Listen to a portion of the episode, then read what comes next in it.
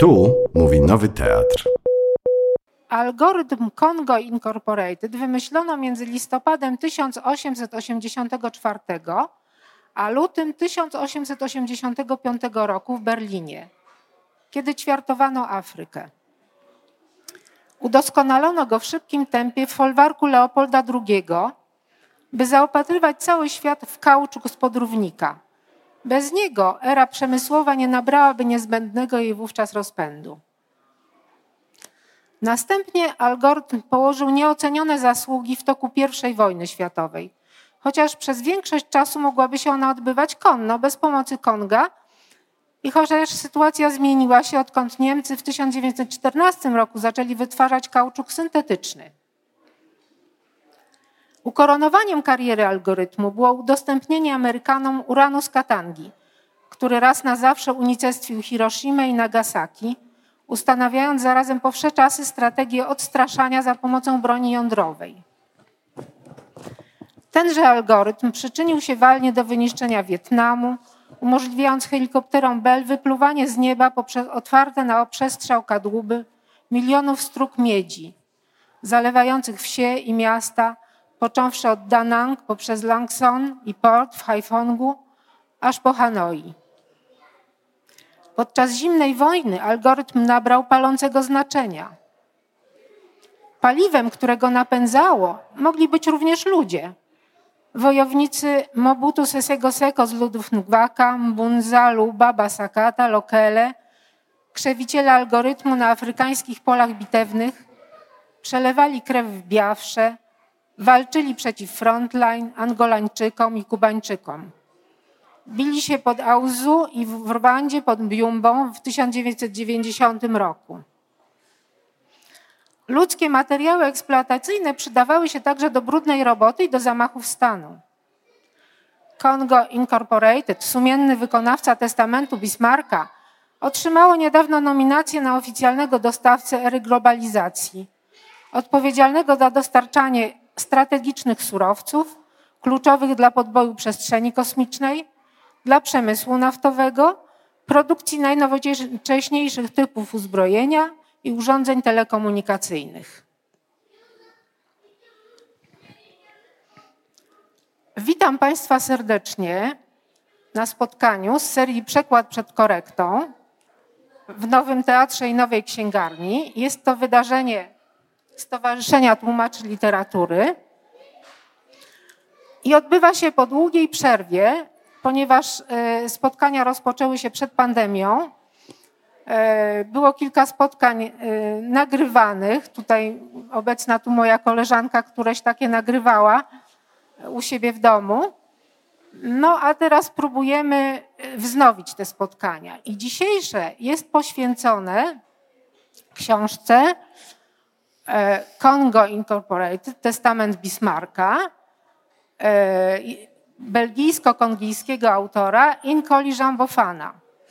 E, ten fragment, który przeczytałam właśnie z tej książki pochodzi. I ponieważ mamy do czynienia z książką autora belgijskiego, to partnerem wydarzenia jest dzisiaj Biuro Walonii Brukseli w Warszawie, któremu bardzo dziękujemy. A ja tutaj siedzę, ponieważ jestem tłumaczką tej książki i zaprosiłam do spotkania, y, do rozmowy ze mną y, doktor habilitowaną Ewę Kalinowską, która jest y, wykładowczynią w Instytucie Lingwistyki Stosowanej Uniwersytetu Warszawskiego. E, oprócz tego jest w Polskim Towarzystwie Afrykanistycznym.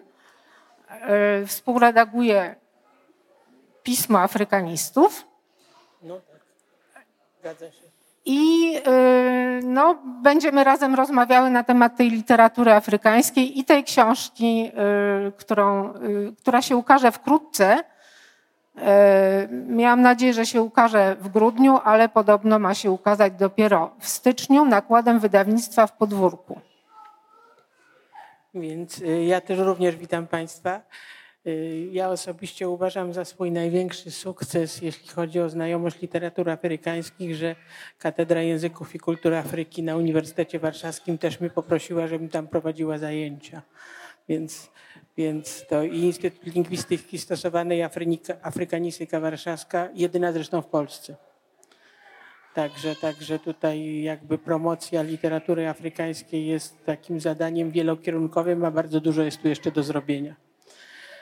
Także może ja zacznę, co? Pytanie pierwsze zadam, że ponieważ no nie należy ta literatura, zresztą z jakiegokolwiek języka tłumaczona, czy, czy, czy z europejskiego, czy e, no, tym bardziej z afrykańskiego byłoby to trudne, nie należy ta literatura do najczęściej jakby spotykanych na rynku, to chciałam się zapytać, skąd ten pomysł w ogóle na tłumaczenie?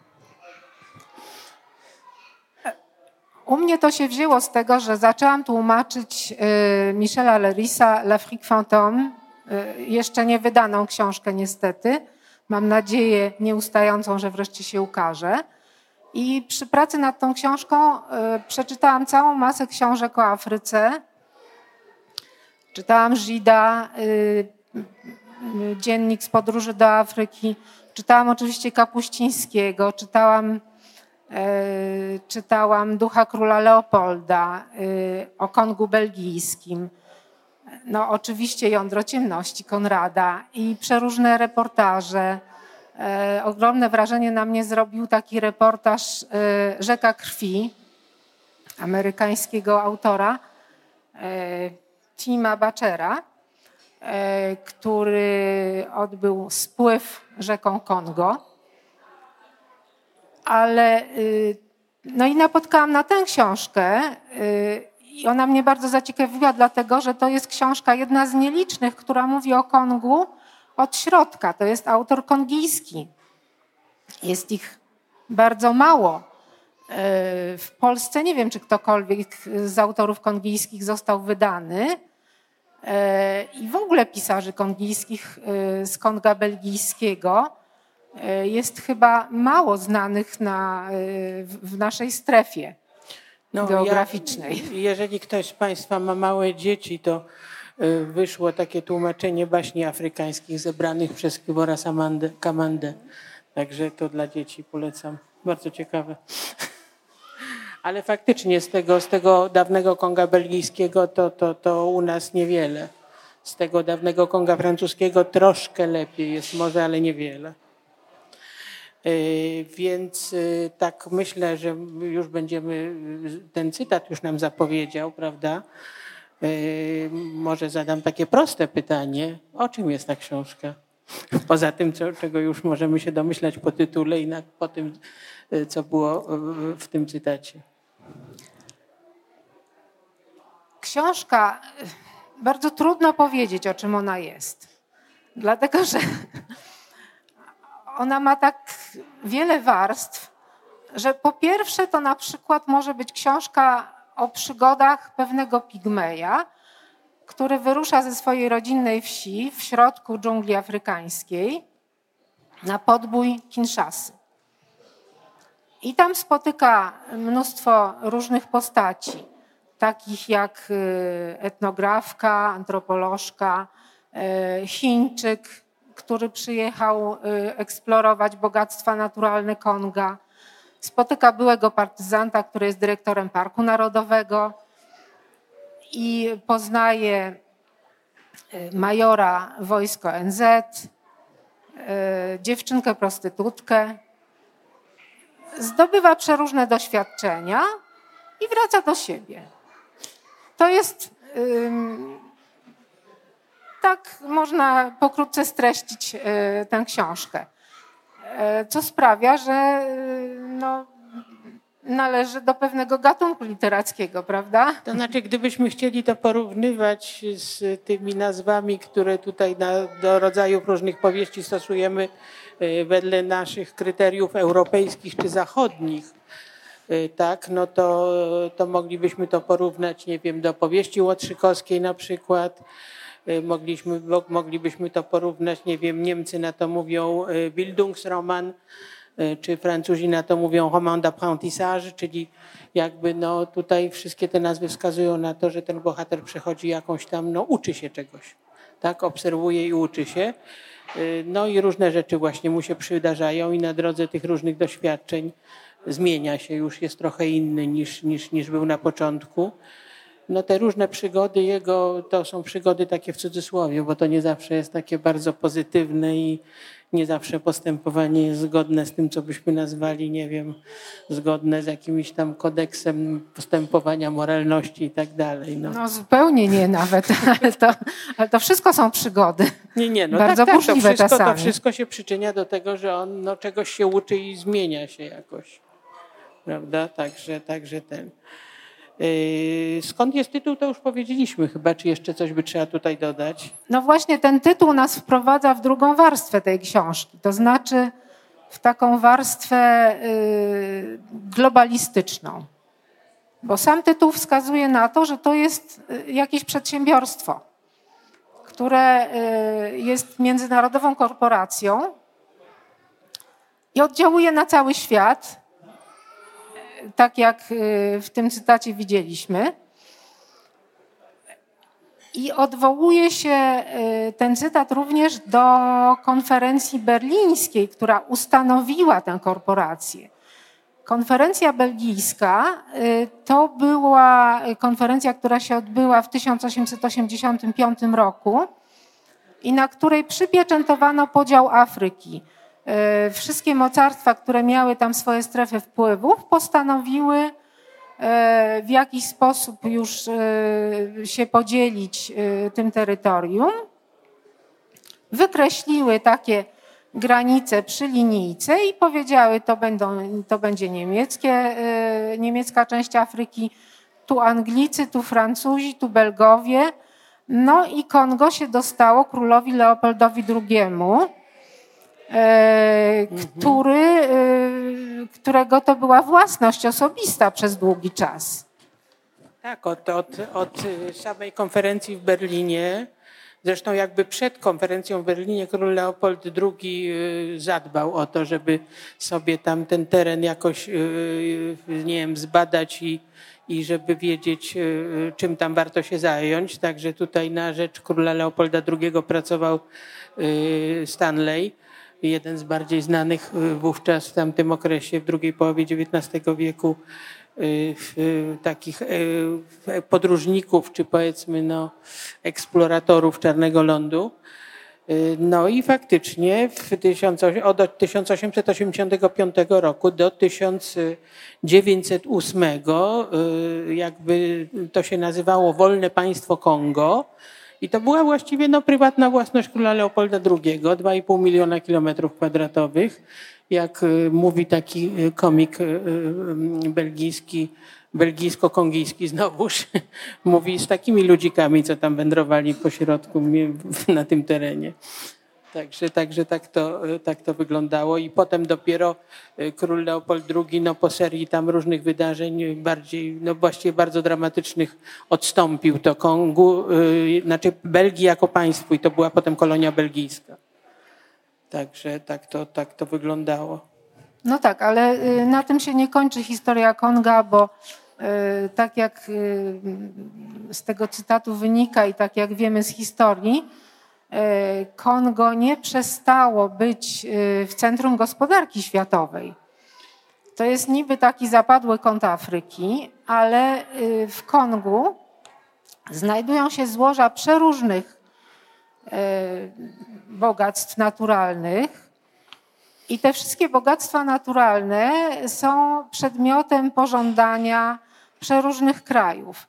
I w Kongu krzyżują się i ścierają się interesy najrozmaitszych mocarstw. I zawsze było tak, że Kongo e, było e, przedmiotem walk o surowce. E, I ta książka bardzo dobitnie to podkreśla. Na przykład chociażby tym, że każdy rozdział jest zatytułowany w oryginale w języku francuskim, ale pod każdym tytułem jest ten sam tytuł po chińsku. No to już jest wyraźne odniesienie do ostatniego okresu, prawda, w historii Afryki, mhm. Konga i, i, i nie tylko. Tak? Także, także tak, to, to, to jest szczęście i nieszczęście Konga. że tam są te, te zasoby. Także mamy tam, mamy tam Chiny, które, które z porządliwością spoglądają na bogactwa mineralne. E, mamy Amerykę, która tam macza palce w tym wszystkim. Mamy, mamy przeróżne inne y, państwa, które popierają albo zwalczają tamtejszych polityków. I to jest takie błędne koło, dlatego że y, ugrupowania partyzanckie korzystają y, z bogactw naturalnych sprzedają je na czarnym rynku, dostają za to pieniądze, za to się zbroją. E, państwom, e, mocarstwom zachodnim, powiedzmy, e, bardziej, krajom bardziej rozwiniętym, w cudzysłowie, zależy na tych surowcach. Wobec tego popierają tych polityków, którzy dostarczają surowców naturalnych. No i, i wojna trwa. I ta książka y, to doskonale pokazuje. Takim bogactwem naturalnym, y, które tam występuje w charakterze prawie że y, samodzielnego bohatera, jest koltan. Koltan to jest taki minerał, który się składa z kolumbitu i tantalitu. Koltan. Proszę zauważyć, jakich to kompetencji wymaga. Tak. Tutaj i tłumaczenie, a, i wzięcie się za ten temat w ogóle. A tantal jest absolutnie niezbędny na przykład do produkcji telefonów komórkowych. Bez tantalu nie mielibyśmy komórek. Także y, chociażby na tym przykładzie widać, że to Kongo, o którym my nie pamiętamy, jest w samym centrum uwagi, w samym centrum gospodarki światowej. Z tym, że y, ono dostarcza surowców do produkcji artykułów luksusowych, całej elektroniki. E, natomiast tamtejsi ludzie y, cierpią konsekwencje tych, tego wydobycia, to znaczy odbywają się czystki etniczne, odbywa, odbywa się nieustająca wojna, no, żeby można było te surowce wydobywać. No w każdym razie ludność miejscowa na pewno nie korzysta z tych wszystkich y, jakby dochodów, które, które są związane z wydobyciem tych, y, tych y, surowców i wręcz przeciwnie.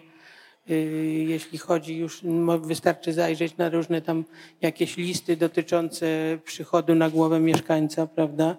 To Republika Demokratyczna Konga, bo taka jest oficjalna nazwa państwa, jest na trzecim miejscu od końca na świecie, na liście światowej. Także to, to, to w ogóle, to, no tak to, tak, to, tak to niestety wygląda. Także ile tam ludzi jest, zresztą to dokładnie nie wiadomo, bo ostatni spis to był w 70 latach chyba, ale, ale liczy się, że trochę ponad 100 milionów. No może Także... dlatego właśnie e, to Kongo jest tak trochę lekceważone, dlatego że autor tam kiedyś w którymś momencie mówi, że tam się odbywa wojna o słabym natężeniu, tak to nazywają analitycy światowi. Ale ta wojna o słabym natężeniu to jest wojna, która kosztowała życie 5 milionów ludzi. Znaczy to, niektórzy twierdzą, że więcej, ale dokładnie tego oczywiście się y, określić nie da. Natomiast y, no, to, co wszystko tutaj jest powiedziane, to, to Wydaje się, że to jest y, oddalone od literatury, prawda? Ale się okazuje, że zupełnie nie.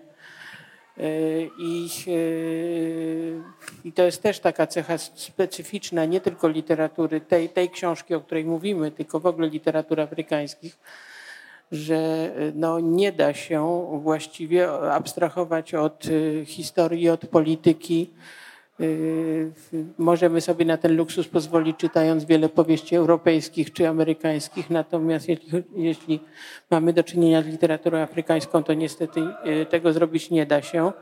No, a nie są to, a nie są to wydarzenia, a nie chcę powiedzieć przyjemne, bo to w ogóle nieadekwatne słowo, prawda? Ale, ale wręcz tragiczne i dramatyczne bardzo po prostu. I, y, a proszę powiedzieć jeszcze, powiedz, jak, jak, jak autor to pokazuje, bo, bo czy to jest takie mocno właśnie, y, takie bym powiedziała, no takie w takiej w tonie dramatyczno-tragicznym? Bo to oczywiście fakty mówią same za siebie, natomiast jak to wygląda w samym tekście? No, y, to jest książka, w której y, nie ma takiej publicystyki. Znaczy są takie fragmenty, y, należy do nich ten fragment, który przeczytałam na początku. On nie jest reprezentatywny dla książki, ale chodziło mi o to, żeby wprowadzić w temat. Natomiast to jest raczej pokazanie poprzez poszczególne postacie takiego głębszego wymiaru historycznego. Y, losy poszczególnych postaci to są wszystko, y, te postacie to są pełnokrwiste postacie, które tam mają różne przygody, poruszają się, y, wchodzą w różne interakcje, natomiast, natomiast one tak jakby są również reprezentantami tych problemów, które w, w Kongu, które są, które są w Kongu najważniejsze. A te postacie to, to są na przykład jest Isao Kanga, który jest przedstawicielem rdzennej ludności. Y, jest jego wuj, który się martwi o niszczenie lasu tropikalnego, o wycinkę, o, o to, że nowy masz telekomunikacyjny odstrasza zwierzynę. Na te lasy łakomym okiem spoglądają decydenci e, z Kinszasy, którzy chętnie by tam zrobili autostrady. E, w wyniku wojen pojawiają się tysiące, setki tysięcy bezdomnych dzieci. I te bezdomne dzieci to są dzieci, które udzielają gościny Iseokandze, bohaterowi książki, w Kinszasie. Wśród tych dzieci są dzieci osierocone, dzieci żołnierze, dzieci czarownicy, Y, ten partyzant, którego, którego Isao Kanga spotyka w Kinszasie, y, to jest y, człowiek, który ma za sobą tragiczną przeszłość. Został partyzantem, a potem po zawarciu traktatu pokojowego dostał ciepłą posadkę w Kinszasie i nudzi się okropnie i chętnie by znowu w jakieś ciemne interesy dalej prowadził, takie jakie prowadził poprzednio. Więc tutaj, e, tutaj tych, tych, tych jak właściwie na każdym kroku właściwie, no nie wiem czy na każdej stronie, ale prawie, że na każdej stronie e, takie, takie, że tak powiem bym powiedziała, to pączkuje jak drożdże, prawda, na różne problemy, na różne problemy i tamtejsze, ale które się okazuje, że bardzo są mocno powiązane z takim kontekstem Y, dużo, dużo szerszym. O, mamy wizytę. Tak. Ja tak, może, tak, żeby, żeby plan pokazać... jest niezwykle szeroki tutaj. Żeby pokazać y, część tych, tych postaci, y, to przeczytam teraz scenę, która się rozgrywa na Wielkim Bazarze w Kinszasie. To jest absolutne centrum miasta. Właściwie takie, takie żywe, bijące serce. E, mowa o bezdomnych dzieciach, które się nazywają w tamtejszym języku szege. Nikt nie zostawał szege z wyboru. Wiele dzieci utraciło kolejno wszystkich krewnych i kiedy pozostały same na świecie, przywędrowały do centrum miasta. Była również wśród nich część potomstwa milionów ofiar wojny kongijskiej. Do tych porwanych nurtem wydarzeń dzieci należał Omari Dwa Ostrza, były Kadogo, czyli dziecko żołnierz. Przyjechał do Kinszasy w bagażach pewnego psa wojny i w wyniku zawartej po cichu ugody politycznej wcielono go do Armii Narodowej. Pewnego pięknego dnia uznał, że ma dość wojennego rzemiosła i odłączył się od swojego oddziału. Były w tym mikrokosmosie również dziewczęta, takie jak Szasza Tupeciara. W tych warunkach nie pozostawało im nic innego, jak sprzedawać się za parę dolarów albo za nic kiedy było ich kilku i kiedy brano je siłą. Teraz pod koniec dnia nastąpiła właśnie pora, kiedy dziewczęta szykowały się, robiły nabóstwa. Zaplatały warkoczyki, prostowały włosy za pomocą mikstury przyrządzonej z amoniaku, mydła i niewielkiej ilości kwasu siarkowego. Wymieniały się kreacjami, obrzucały wizwiskami o byle co. Z nadejściem nocy bazar opustoszał z handlarzy. Ciemność spadła jak kurtyna. Na scenie, z której uprzątnięto stragany, trwały przygotowania do innego przedstawienia. Czekano na odpowiednie oświetlenie. Nieliczne latarnie, z których stale kradziono żarówki, rozsiewały tu i ówdzie bardzo niepewne siebie światło. Dekoracje składały się z wysłużonych mebli, pozamykanych żaluzji, cieni rzucanych przez stosy śmieci, rozsiewających woń zgnilizny. Aktorami byli dojrzali mężczyźni, aktorkami dziewczynki, które ledwo weszły w okres pokwitania. I tak się niestety składało, że to one właśnie odgrywały główne role z dala od świateł rampy. Szasza, mobalina jo, a jej. Szasza, jest twój facet. Z półmroku wyłoniły się zarosy terenówki oznaczone literami UN. Pojazd zatrzymał się, ale silnik nadal chodził. Siedzący wewnątrz kabiny biały mężczyzna w piaskowym mundurze i błękitnym berecie spoglądał niewzruszonym, twardym jak stal wzrokiem na grupkę dziewcząt. Przeszła szasza, niosąca na głowie ustawione jeden na drugim niewielkie półmiski. Jak ktoś, kto się wybiera w odwiedziny do ukochanego, któremu chce dogodzić najlepiej jak potrafi. Dziewczyna starała się poruszać jak Kate Moss, wyginając chude biodra. Była w tym szczęśliwym położeniu, że w wieku 16 lat miała ciało czternastolatki. Wsiadła do samochodu, który zaraz odjechał. I Seokanga zaczął pojmować, co się wokół niego rozgrywa i poczuł niepokój. Młody pigmej nie w, pełni, nie w pełni pojmował zasady wolnego handlu. Stojąca obok niego Marili Boma parsknęła śmiechem, żując spokojnie gumę. Nie rób takiej miny, Iso. Czy myślisz, że tu peciara boi się tego białego? Zobaczysz, wyroluj go jak nic. Dobra, to ja lecę. Połażę sobie. Dodała, wygładzając włosy, w które przed chwilą wplotła odblaskowe niebieskie pasemka.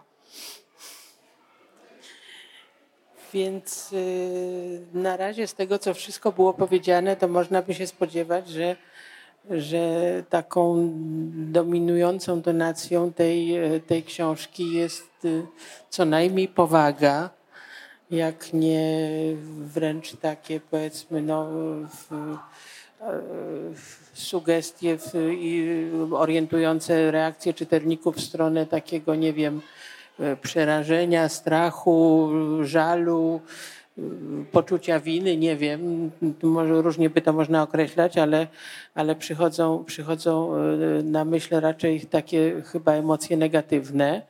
E, czy ta książka taka jest? No, ja muszę powiedzieć, że y, miejscami tak. Czy w tym kontekście można żartować? Miejscami y, bardzo są ciężkie takie y, fragmenty których nie odważyłabym się tutaj przeczytać, bo obawiam się, żeby mnie poniosły emocje i bardzo mi się je trudno tłumaczyło. Natomiast y, w przeważającej części książki to raczej dominuje humor, e, groteska i y, ma się wrażenie, że autor się świetnie bawi tym, co opisuje, ale to jest taka dosyć y, gorzka zabawa. Nie, no tak, ale to jest chyba też sposób na jakąś takie powiedzmy egzorcyzmowanie tego, tych problemów, prawda?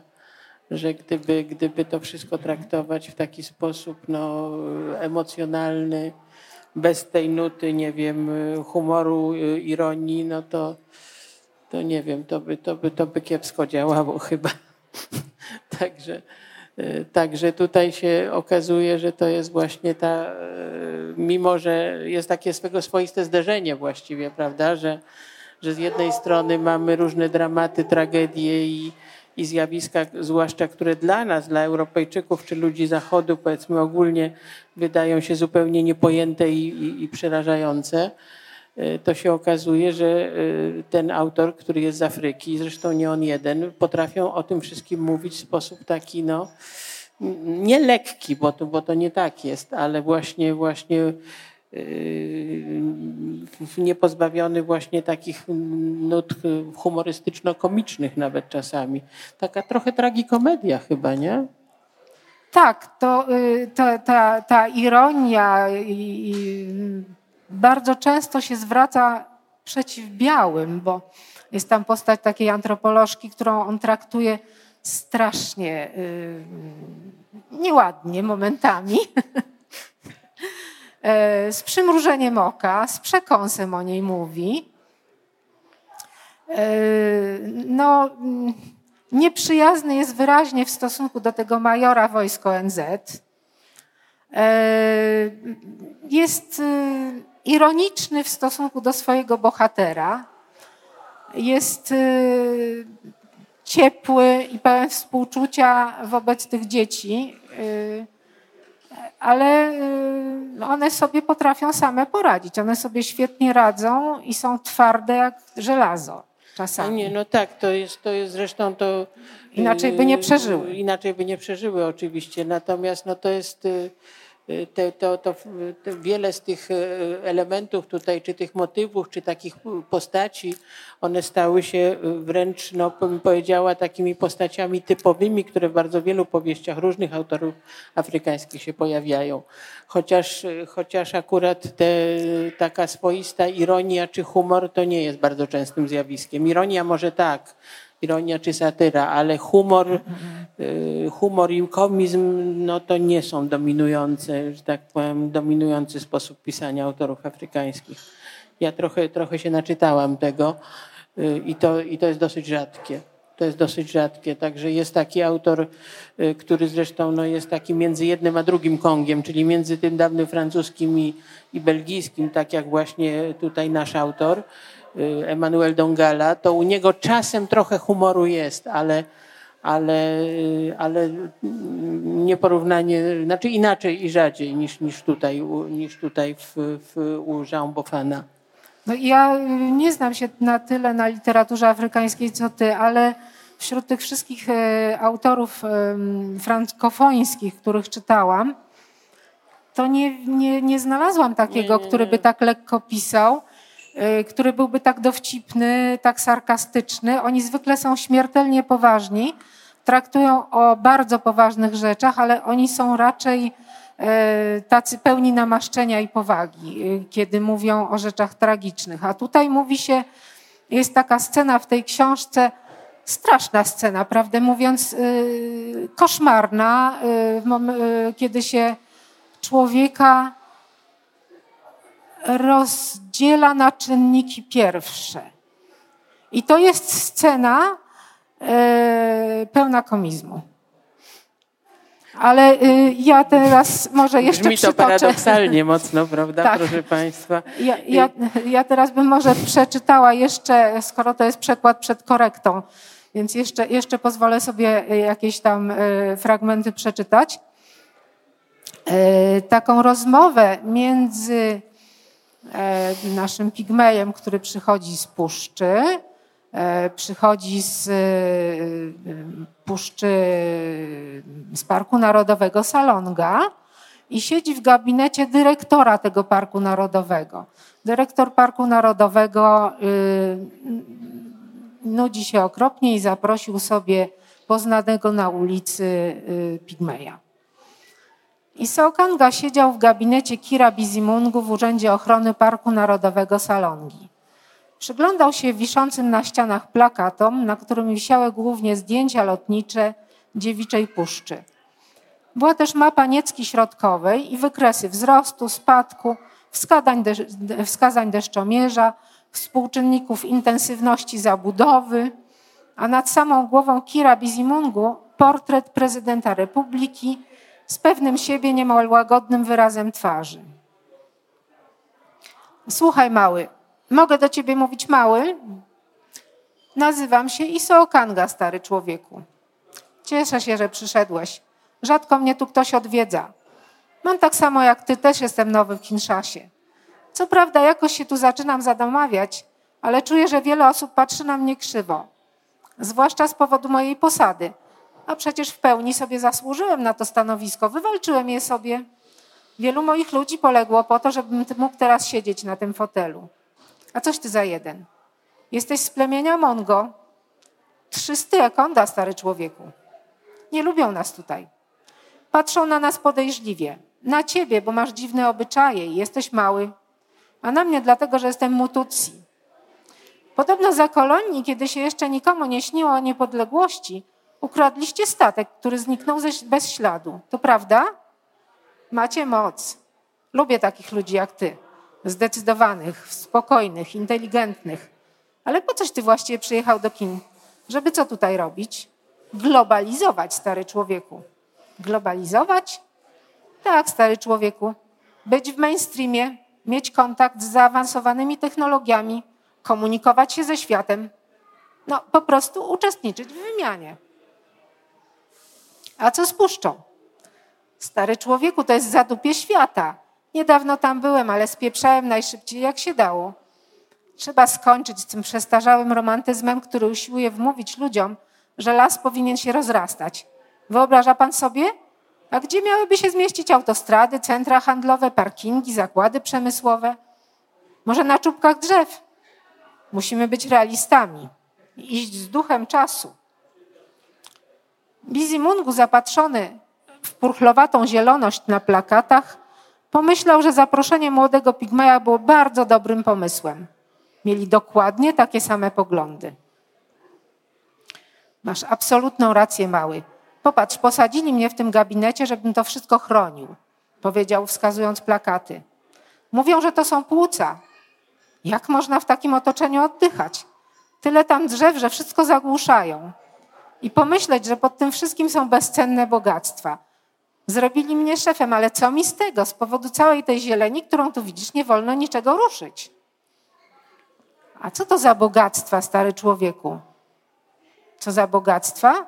No na przykład ropa mały, mnóstwo, diamenty, złoto i inne bardzo, bardzo cenne rzeczy. Gdybym tylko miał dostęp do takich różnych środków, o których słyszałem, zlikwidowałbym to wszystko o wiele szybciej niż to pieprzone pustynnienie, które zapowiadają od dziesiątków lat i które stale nie nadchodzi. Stary człowieku, to nie takie proste. W moich stronach są różni starzy ludzie, tacy jak mój wuj Lomama, którzy koniecznie chcą wszystko zachować bez żadnych zmian. Oprócz tego, że sieją szkodliwą propagandę na temat ochrony Puszczy Dziewiczej, używają wszelkiego rodzaju technik, żeby utrzymać nad głowami korony drzew. Banda demagogów i megalomanów, stary człowieku. Mały, chciałabym cię częściej, częściej widywać. Mamy ze sobą do pogadania. Ja zarządzam całą Twoją puszczą, więc jesteśmy trochę jak bracia. Musimy się spotykać, mamy podobne poglądy. Powinniśmy się trzymać razem. Mnie tak samo jak Ty, cała ta zieleń przed oczyma przyprawia o ból głowy. Miałeś szczęście, że mogłeś przyjechać do Kinszasy, żeby się przewietrzyć. Bo inaczej co by się z Tobą stało? No sam powiedz. Co ci ludzie sobie właściwie wyobrażają? że supermocne komputery, iPhony i rakiety wyrabia się z pni drzew, że do tego potrzeba miedzi, cynu, kobaltu, koltanu. Żeby się naprawdę rozwijać, trzeba mieć ropę i to dużo ropy, całe mnóstwo baryłek. Po to, żeby ludzie mogli jeść dosyta, potrzebne są przetwórnie żywności, intensywne rolnictwo, uprawy modyfikowane genetycznie. Nie wolno pozwalać na to, żeby się to wszystko tak rozrastało. Dodał, wskazując obszernym gestem przedstawioną na ścianach roślinność. Także to, to, to, jest, to, było, to jest jeden z takich cieka, ciekawych bardzo właśnie elementów, że, że dyrektor Parku Narodowego reprezentuje takie, to jest jeden z paradoksów takich y, obecnych nie tylko u Bofana, ale jeszcze w paru innych miejscach, co zresztą też jakby wskazuje na inny problem y, obecny w bardzo wielu krajach afrykańskich właśnie no, że osoby, które, które no, zajmują pewne stanowiska, zajmują te stanowiska, żeby zajmować stanowiska, a właściwie jakby konkretna działalność, która powinna się, zdawałoby się, powinna ich, ich, ich znaczy jakby powinni się tym zajmować, prawda? To, to, to zupełnie inaczej wygląda. No, dostają tak. posady z klucza innego no, niż. Y kompetencyjny. Znaczy to, to, jest... to, to na pewno, to, to jest oczywiste. Natomiast jakby no, posadę można dostać z klucza, a potem się tam czymś zająć, minimalnie choćby, a on właśnie nie marzy o niczym innym, tylko żeby tą puszczę jak najwięcej, jak ile się tylko da wyciąć. No. E, mówiłyśmy już o innych e, pisarzach afrykańskich, ale chciałam zapytać, jak to właściwie w tej chwili jest, bo słyszymy o przeróżnych nagrodach, które ostatnio pisarze afrykańscy otrzymują. Czy oni się w ogóle przebijają do, ogólnego, do ogólnej świadomości? Jak to ostatnio jest właśnie? To znaczy nie, ostatnio to wygląda rewelacyjnie. Jakby sądzić po ostatnich dwóch latach mniej więcej, to jest w ogóle jedna i sądząc po laureatach różnych nagród, to to jest w ogóle super, hiper. No. Wiedzą Państwo, kto dostał Nobla ostatniego? Czy nie wiedzą Państwo, bo to już ze dwa tygodnie temu ogłosili chyba. To jest taki pisarz, który pochodzi z Tanzanii, dokładnie z Zanzibaru. Abdel Razak Gurnach się nazywa, powieściopisarz. Nic jego nie zostało przetłumaczone na polski do tej pory, dostał Nobla. Dostał pisarz, pisarze też jeden z pisarzy z RPA dostał, dostał Bookera, czyli no jedną z ważniejszych nagród, nagród literackich. To jest, on się nazywa Damon Galgut. Jego akurat rzeczy były dwie przetłumaczone na polski. To, za co dostał Bookera, jeszcze nie. Najbardziej prestiżową nagrodę francuskojęzyczną za powieść, czyli nagrodę Goncourtów dostał dostał pisarz senegalski Dawid Diop. I tu akurat jakoś tak się, nie, przepraszam, pokręciłam, wycofuję się. Dawid Diop dostał międzynarodowego Bookera. I to tak, akurat to... tak się jakoś zdarzyło fajnie, że to wyszło po polsku. I to jest, to można kupić, proszę Państwa. To się nazywa Bratnia Dusza więc nie wiem, czy wyczuł, wyczuł wydawca, czy, czy, czy oglądał jakieś listy kandydatów. Także to wyszło y, dosłownie równolegle z, z momentem ogłoszenia tej nagrody. Y, natomiast Gonkurtów dostał też pisarz senegalski, y, Mohamed Bugarsar. No też jeszcze to nie zostało, to jest bardzo młody człowiek, 31 lat ma, to jest czwarta jego powieść. Więc, więc no może, może, może ktoś się za to weźmie i przetłumaczy, czy jakieś wydawnictwo się tym zainteresuje. Wydanie, jakby zadanie dla tłumacza będzie trudne, choćby ze względu na to, że to liczy sobie 500 stron. także, także to będzie trudne. Y, jeszcze jest taka nagroda, nie wiem czy Państwo słyszeli, taka nagroda za, przyznawana za całokształt, nie za konkretne dzieła Y, Neustadt, y, Neustadt i dostał to też, też pisarz senegalski Boubacar, Boubacar Boris Diop, taki już starszy troszkę pan. I tym bardziej może warto to podkreślić, że to jest pisarz afrykański, który mieszka w Afryce. Bo oni, no, właściwie wszyscy, o których mówimy do tej pory, czy no, z pierwszym, na pierwszym rzędzie nas interesuje oczywiście Bofan, Y, oni bardzo często mieszkają w Europie, czy we Francji, czy w Belgii, czy, czy w Stanach Zjednoczonych. Niekoniecznie dlatego, żeby sobie własny los materialnie po, poprawić, tylko albo jest to związane z sytuacją polityczną, albo z, po, po, prostu no, z kwestią no, rynku wydawniczego, prawda, który, który w, w, większości krajów afrykańskich jest bardzo problematyczny. Są takie kraje afrykańskie, gdzie nie ma żadnego wydawnictwa. Więc, więc tak, to, tak to niestety wygląda. Także y, ja jeszcze może pod sam koniec spotkania powiem, że będzie taka okazja w przyszłym tygodniu, żeby się z, tą, z tymi laureatami afrykańskimi nagród różnych literackich y, bliżej zapoznać. To może jak powiemy trochę więcej o samym autorze. No właśnie, autor się dziwnie nazywa, bo na początku przed Jean Boffin, który jest dosyć normalny, ma Inkoli. Inkoli w języku Kimongo, to jest język ojczysty czy też matczyny matki autora, oznacza świeża rana. I wydaje mi się, chociaż nie mam takiego potwierdzenia od niego samego, że on sobie sam ten przydomek przybrał. E, to nie jest tak młody człowiek jak ten y, zdobywca nagrody Goncourtów. Zresztą y, Jean Boffin bardzo mu zazdrościł chyba, sądząc z tego, e, co pisze na Facebooku. Jean Boffin urodził się w 1954 roku, czyli jeszcze za kolonii. I chociaż jego ojcem był rodowity Kongijczyk, to matka wyszła powtórnie za mąż za Belga, więc Jean Boffin urodzi, wychowywał się no, w takiej mieszanej kulturze i dosyć szybko przyjechał do Europy. W momencie, kiedy tam się zaczęły walki, kiedy, kiedy, Belgia, kiedy Belgia miała dać, czy też dać sobie odebrać Kongo. Rodzina przyjechała do Belgii. Później krążył między Belgią a Kongiem, miał różne przeróżne zajęcia. Zdaje się, że nawet taki epizod dosyć trudny. Gdzieś tam wyczytałam, że nawet miał jakieś kolizje z prawem. Pracował w różnych dziwnych miejscach. Bardzo dużo chyba w klubach muzycznych. Bywał wykidajłą w jakichś klubach. W 1983 roku Przyjechał do Konga,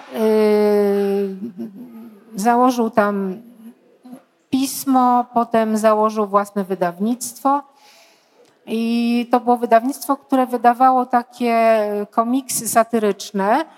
No tylko, że bardzo szybko okazało się, że te komiksy satyryczne się nie podobają władzy. On się musiał ukrywać i najpierw wysłał rodzinę, którą w międzyczasie założył do Belgii, a potem sam uciekał i już właściwie od 1993 roku mieszka w Belgii, a literaturą zaczął się zajmować w 1996 roku. Zaczął od książki dla dzieci. To była książka napisana u schyłku rządów Mobutu. Taka metaforyczna, bo ona się nazywa Dlaczego król już nie jest, dlaczego lew nie jest już królem zwierząt? I mowa była oczywiście o Mobutu.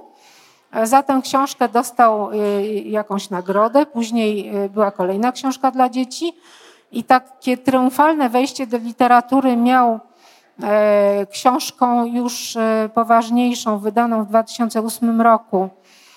To była książka Kongijska matematyka, która otrzymała nagrodę nagrodę Czarnej Afryki. Później przyszła książka, o której dzisiaj mówimy, czyli Congo Incorporated. Tutaj też jest to książka obsypana nagrodami. Między innymi otrzymała nagrodę powieści Roman Metis, powieści jakiej? Nie wiem, no, zmetyzowanej. zmetyzowanej. I nagrodę pięciu kontynentów, co jest zresztą charakterystyczne dla autorów z tego kręgu, bo oni dostają nagrody tak jakby przeznaczone wyłącznie dla pisarzy nie z głównego nurtu, tylko z tego nurtu frankofońskiego, afrykańskiego. I dopiero w tej chwili, tak jak się przekonujemy po tych ostatnich tak. bukerach, Nagroda Nobla, nagroda, nagroda Goncourtów, zaczynają się przebijać do, do tego głównego nurtu literackiego. To nie jest ostatnia książka autora, kolejną napisał label, książkę w 2018 roku wydaną Label de Casa, czyli Ślicznotka z Casablanki. Ona już się nie dzieje w Kongu, bo powiedział autor, że troszkę za dużo go kosztowało psychicznie pisanie o Kongu, napisanie tej powieści Congo Incorporated. Ta książka i inne książki są przetłumaczone na wiele języków, między innymi na angielski. Tutaj rozmawiałam z panem przed, przed spotkaniem, pokazywał okładkę angielskiego wydania na niemiecki, na włoski, na niderlandzki i autor się chwalił, że ma jakiegoś Wietnamczyka wśród swoich tłumaczy. Także no jest autorem międzynarodowym, ale w Polsce będzie to pierwsza jego powieść wydana. No to tylko trzeba by czekać teraz na inne. No ja mam nadzieję, że po tej, kiedy wreszcie zostanie wydana, przyjdą kolejne.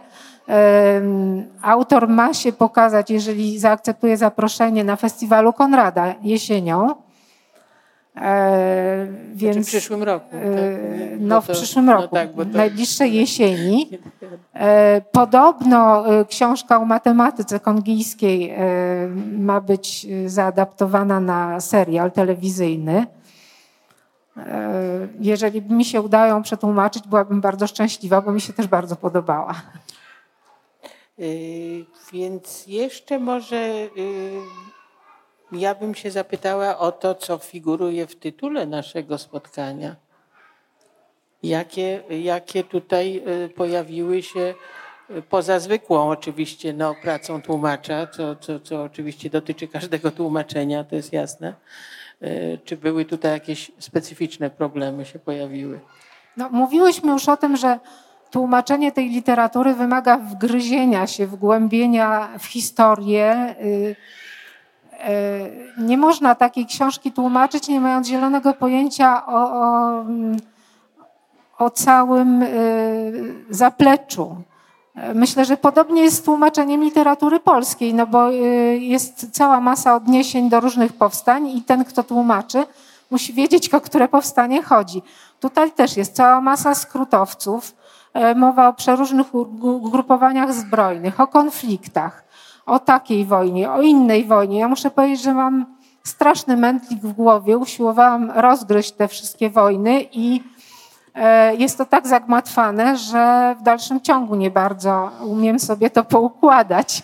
No, znaczy ja myślę, że to, to tutaj nie ma się, nie ma się, że tak powiem, e, nie jest to powód do jakiegoś poczucia winy, dlatego że, że tutaj są eksperci od spraw politycznych Y, którzy się tym zajmują i też tak całkiem do końca nie potrafią wszystkiego rozgryźć i przedstawić tego w sposób taki, no powiedzmy, y, zrozumiały.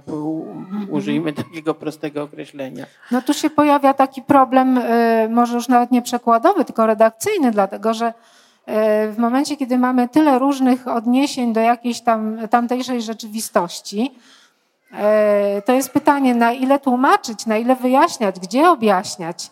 Autor sam objaśnia przeróżne wtręty, bo tam jest sporo wtrętów obcojęzycznych w języku lingala, e, bo bohaterowie e, czasami przemawiają bardzo literacką francuszczyzną, ale czasami mówią do siebie we własnym języku. I zresztą jest to język taki, e, no, można powiedzieć, że trochę podobny do, wyobrażam sobie, do języka Polaków w Chicago, bo pełen E, oprócz języka lingala są, e, są wtrącenia francuskie. I one są tak tam e, powplatane i, i dla mnie to też był problem, czy na przykład jeżeli bohaterowie wplatają w, w zdaniu lingala wplatają słowa francuskie, to czy ja mam je zostawić po francusku, czy mam je tłumaczyć na polski? I ponieważ jest to przekład przed korektą, a nawet przed redakcją, to muszę powiedzieć, że nie jest to jeszcze problem rozstrzygnięty, bo to dopiero się okaże e, po dyskusji z, z wydawcą. Poza tym no, musiałam po, porozgryzać również cytaty i kryptocytaty. E, troszkę mi pomógł autor, bo na samym końcu dziękuję między innymi towarzyszowi Mao, i innym autorom, od których zapożyczył pewne teksty, troszkę je zmieniając. Tam jest taki bardzo. E, tam jest taka scena e, na Wielkim Bazarze, kiedy zbuntowani Szege e, pytają Chińczyka, co by on im poradził jako przedstawiciel ludu, który, który u siebie zrobił rewolucję i ten Chińczyk właśnie przemawia e, takimi trochę zmodyfikowanymi cytatami z Czerwonej Książeczki. No i są takie zupełnie pojedyncze problemy wynikające z tego, że e, no jest pewne słownictwo, które znane jest na przykład Francuzowi, pewne realia, które w Polsce zupełnie są nieoczywiste. I jednym z takich słów jest słowo pań. E, po tośmy właśnie. Tak, tak, po tośmy właśnie tutaj przykryły stół tym, e, tą tkaniną, która tu jest nie tylko z powodu kolorytu lokalnego, ale właśnie, żeby się powołać na, na to, e, jaka to jest trudność. Bo co to jest to pań? Jest pań. To, jest właśnie to jest pań, właśnie ale pań. nie tylko to. Może tak, pokaż jeszcze inne przykłady, bo mamy tutaj e, materiały pomocnicze. To jest, to jest też pań, proszę Państwa. Tak, to jest pań. Y, z pań się robi różne różności. Y, takie, takie jak moja torba na przykład. Albo to, co ja mam na sobie, co tutaj koleżanka, się, która siedzi, mi uszyła. Także y, to jest, to jest taki, e, tak, to jest taki no, element, stały element życia w, w całej Afryce Zachodniej i Środkowej. No i, i jak to przetłumaczyć? Nie da się tego dobrze przetłumaczyć, no. Bo tym bardziej, że słowo pań ma zarówno oznacza tkaninę, jak to, co jest z tej tkaniny uszyte, więc, więc to nie ma dobrego, dobrego tutaj wyjścia. No bo to jest i kupon materiału konkretnej długości, Zresztą w yardach mierzonych. Tak, żeby było śmieszniej w yardach tak. w Afryce francuskojęzycznej. Yy, powinien być z takim nadrukiem. On tutaj ma, ma taki nadruk u dołu na, na, yy, na brzegu, że to jest prawdziwa tkanina o, wax. Widać, tak. Yy, tutaj też. Zwykle to pochodziło z Indonezji. To wcale nie jest czysto afrykańskie, bo to Holendrzy wprowadzili na rynek afrykański.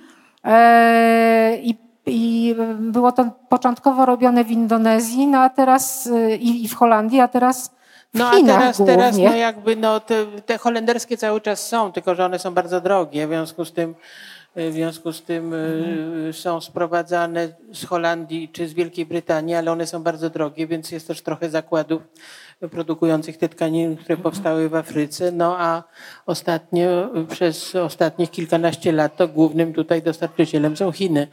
Y, oczywiście no, te chińskie są dosyć jakości no, słabej, ale z drugiej strony, z drugiej strony no, wszyscy sobie mogą na to pozwolić po prostu. Ja jeszcze miałam takie, takie to zresztą zwracałam się do Ewy z tymi pytaniami. E, to te słowa wystąpiły w tym, w tym tekście, który czytałam ostatnio. E, to znaczy, y, jak tłumaczyć y, e, słowo vieux, czyli stary. Y, doszliśmy do wniosku, że może najlepszą wersją byłby stary człowieku, bo to jest taka forma zwracania się ludzi młodszych do ludzi starszych, ale to również e, niekoniecznie ten człowiek musi być bardzo stary. Wystarczy, że jest starszy i to jest hierarchia starszeństwa. Tak. A starszy z kolei się zwraca do młodszego. Yy, właśnie, mały, synku, chłopcze, tak. nie wiem. Tak, w dalszym to, ciągu nie bardzo wiem nie, no, jeszcze. Nie, nie, nie, bo to nie, jest, to nie jest taka prosta sprawa. To znaczy oni jakby, nawet jeżeli jest, yy, ja już w tej chwili konkretnych fragmentów nie pamiętam, ale Y, też na przykład, y, y, być może to się pojawiło w jakimś fragmencie, że mm, to jest po francusku, tak? W związku z tym no, niby zasady no, dotyczące francuskiego są jakoś tam, no, na ogół to nie jest jakieś, nie ma tam jakichś form niepoprawnych czy, czy, czy, czy, czy, czy, czy tak powiem świadomie niepoprawnych nawet chyba. E, natomiast jeśli chodzi o sposób zwracania się, to nagminne, to jest, to jest na każdym kroku w Afryce na co dzień, w, w krajach francuskojęzycznych jest to, że się mówi pan, pani, ale potem się mówi na ty. Mhm. Proszę pani, co, jaka będzie twoja cena, tak, jak się targujemy na bazarze, nie wiem, na przykład. Y, także sposób zwracania się nie jest taki, to, to, to jest mhm. trudne, no bo y, jak, jak, jakbyśmy chcieli to tłumaczyć, nie wiem, na przykład jeżeli są osoby, które mają porównywalny wiek i porównywalny status społeczny, one bardzo często do siebie y, taka forma zwracają, to jest bracie, siostro, tak? No a u nas mhm. to jakoś tak religijnie od razu zaczyna brzmieć, prawda? A tam zupełnie takiego, takiego, takiego znaczenia to nie ma. Y, czasami zwraca się do osoby starszej tak to, troszkę już bardziej poufale niż, niż mhm. wie. Y, mówi się, y, mówi się tą, tą, tą, czyli wuju jakby, mhm. czy stryju, tak? Więc, więc to, też jest, to też jest problem, bo to jest właściwie problem, który po polsku nie istnieje. E, więc, więc, e, więc to na pewno, na pewno też, e, też jest jakieś zadanie do wykonania, prawda? Chociaż mi się wydaje, że poza tą obecnością oczywistą, i to już powiedziałaś to, że, że, że są te wtręty w, w Lingala, głównie w Lingala tak. chyba, to sam francuski jako taki nie jest afrykanizowany. Tak nie, to, nie? Jest, to jest raczej literacki francuski.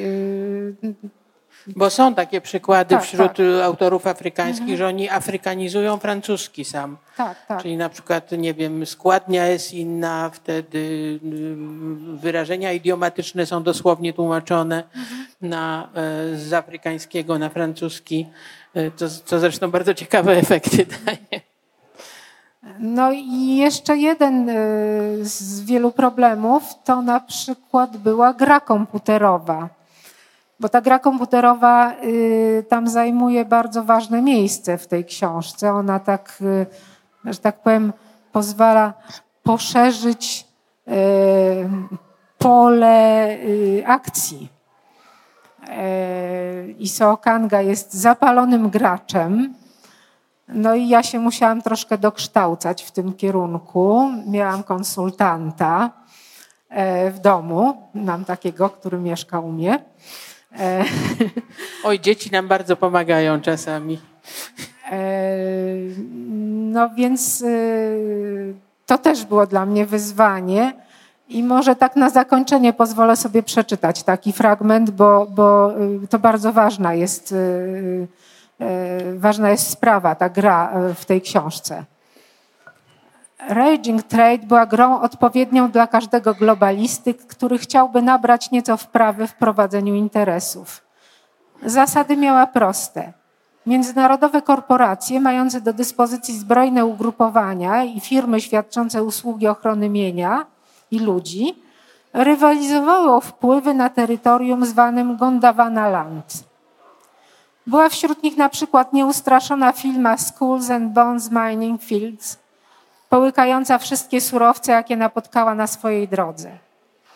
Militarno-przemysłowa korporacja GGAP, czyli Goldman Gills Atomic Project, zainteresowana przede wszystkim uranem i kobaltem, skwapliwie zagarniała również inne strategiczne minerały, jeśli mogło to osłabić przeciwników. Mass Grace Petroleum zajmowało się ropą, podobnie jak Blood and Oil, które bardzo sprawnie posługiwało się w terenie zmasowanym ogniem. Jeśli chodzi o biznes atomowy, do opanowania sporej części tego wyjątkowo podzielnego rynku dążyła usilnie Hiroshima Naga. Jej bezpośrednim konkurentem był uran i ochrona, zgraja obłudników gotowych posłać ci w plecy setki pocisków. Przeciwnikiem, z którym zawsze się trzeba było liczyć, był Kani Maldawa twardy, twardy robbysta i negocjator, który potrafił zdobywać punkty bez jednego wystrzału. Zawsze gotów do zakulisowych knowań. American Diggers zasłużył sobie w tym nieprzyjaznym środowisku na nienawiść wielu graczy na całym świecie. Wyzbyty skrupułów z biegiem czasu nie wiadomo w jaki sposób zgromadził liczne bonusy. Isao Kanga wcielał się w wirtualnym świecie w Konga Bololo, Pożądał wszystkiego: ropy, ród metali, wody, ziemi. Nie gardził, nie gardził niczym. Isao Ganga był rasowym rajderem, zachłannym drapieżcą. Tego bowiem wymagała gra. Albo sam zjadasz, albo zostaniesz zjedzony. Zasadniczym celem była jednak eksploatacja złóż mineralnych. W prawdziwym życiu wymaga to najpierw prowadzenia poszukiwań, następnie uzyskania koncesji od rządu, uiszczania podatków, opłacania siły roboczej, budowy infrastruktury. Gra nic sobie z tego wszystkiego nie robiła. Jako środek do realizacji zamierzeń zalecała wojnę i to, co się z nią wiąże. Zmasowane naloty, czystki etniczne, przesiedlenia, niewolnictwo. Jak w każdej szanującej się grze, również i tu otrzymywało się bonusy. Można było oczywiście zdobywać broń, a ponadto zagranicznych sprzymierzeńców punkty na Stock Exchange, apteczkę, a w niej traktaty pokojowe dla zamydlenia oczu ONZ, bo i tutaj, tak samo jak w rzeczywistym świecie, nie można było prowadzić wojny bez zabezpieczenia, w postaci rezolucji tej międzynarodowej organizacji. Ponadto konferencje pozwalające zyskać na czasie, zdjęcia satelitarne, zestaw dżihadystów filozofów do zadań specjalnych i obfitość niewolnic seksualnych dla pobudzenia ducha bojowego żołnierzy. Wojna na terytorium Gondawanalandu nie wymagała dodatkowych nakładów finansowych. Wydatki pokrywano z zysków. Należało się jednak liczyć z sankcjami i karami. Największym zagrożeniem był spadek cen surowców. Kolejne polegało na zablokowaniu przez ONZ rachunków bankowych w wyniku wrogiego lobbingu niektórych graczy. Najgorsze było jednak wprowadzenie embarga na dostawy broni. Za tło dźwiękowe służył przebój rapera Snoop Dogga, zatytułowany Wato. Można było w nim usłyszeć Run nigga, run nigga, run motherfucker, run. Ze Snoop Dogiem też był problem. Tak, bo, bo z punktu widzenia takiego no, gramatyczno-polskiego to się powinno powiedzieć Snoopa Doga, tak? Ale mój syn, który, który jest raperem, powiedział, matka, mówi, nigdy w życiu, mówi. Snoop Doga się mówi, ze Snoopem Dogiem, o Snoopie Dogu, a nie, a nie o, o... Także nie odmienia się tej pierwszej części. Także tutaj dzieci Zmodyfikowałam nam, według Nie, dzieci, według nam, dzieci nam służą jako bardzo cenne źródło czasami konsultacji. Także. No to chyba y, teraz, jeżeli y, już widzę, że godzina się zbliża dosyć późna, e, czy ktoś ma jakieś pytania? Serdecznie zachęcamy do zadawania pytań.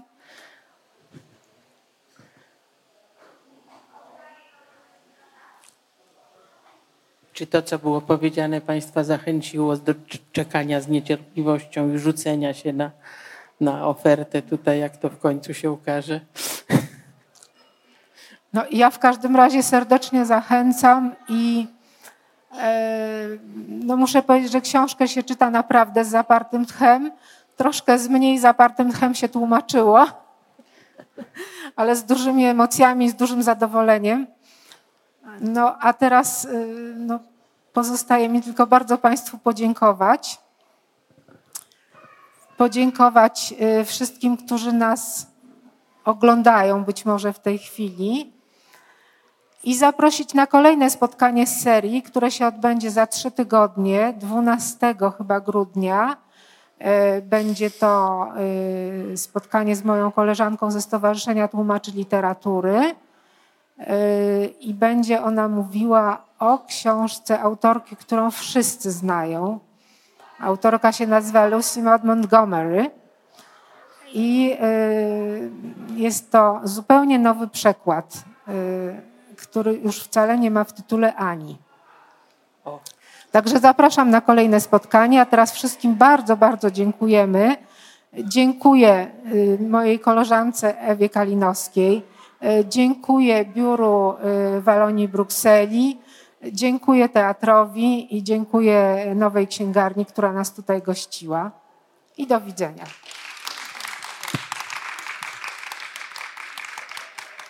Ja może jeszcze tylko powiem y, pół słowa o tym, co zapowiedziałam, że w przyszłym tygodniu w środę, proszę Państwa, Biblioteka Miejska na Koszykowej y, organizuje taką kolejną debatę z cyklu Afryka na koszykach.